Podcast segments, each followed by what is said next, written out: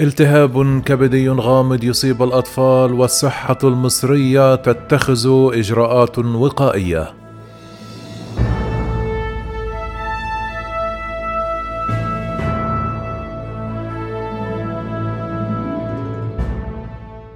أعلن المركز الأوروبي لمكافحة الأمراض والوقاية منها رصد إصابات مجهولة المصدر. بالتهاب الكبد لدى الأطفال في أربعة بلدان أوروبية بعد أسبوعين عن كشف بريطانيا عن إصابات مشابهة على أراضيها.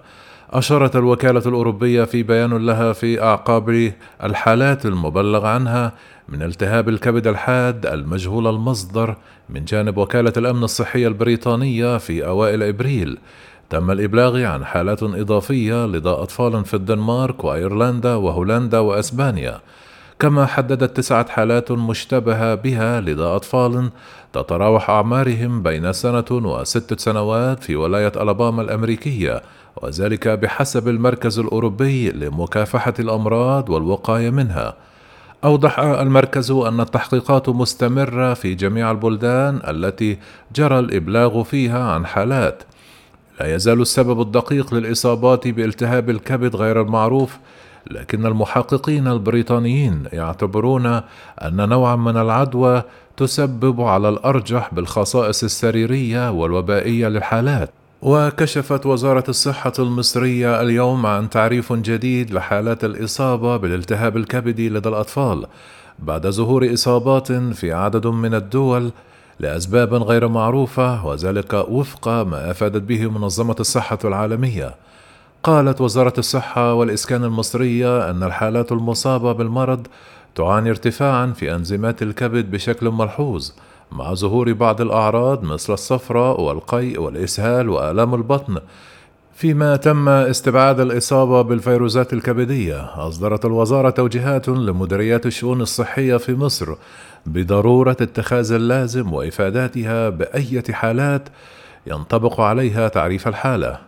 كما أكد المتحدث الرسمي للوزارة أن الوزارة حريصة على متابعة الأحداث الصحية العالمية التي تعلنها منظمة الصحة العالمية والجهات الأخرى بهدف رصد المستجدات على الساحة الدولية فيما يخص الأحداث الصحية. كما أضاف أن منظمة الصحة العالمية أبلغت عبر موقعها الرسمي عن رصد 91 حالة مصابة بالتهاب كبدي غير معروف السبب من بينها 74 حالة في بريطانيا وتسعة في الولايات المتحدة وخمسة في أيرلندا وثلاث حالات في إسبانيا إضافة إلى عدد من الإصابات في الدنمارك وهولندا.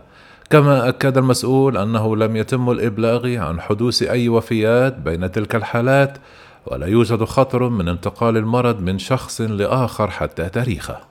كما أشار المتحدث إلى أن وزارة الصحة والسكان تتابع بشكل مستمر من خلال قطاع الطب الوقائي الأحداث الصحية وترصدها بشكل روتيني من خلال منظومة الترصد القومية على جميع المستويات داخل مصر.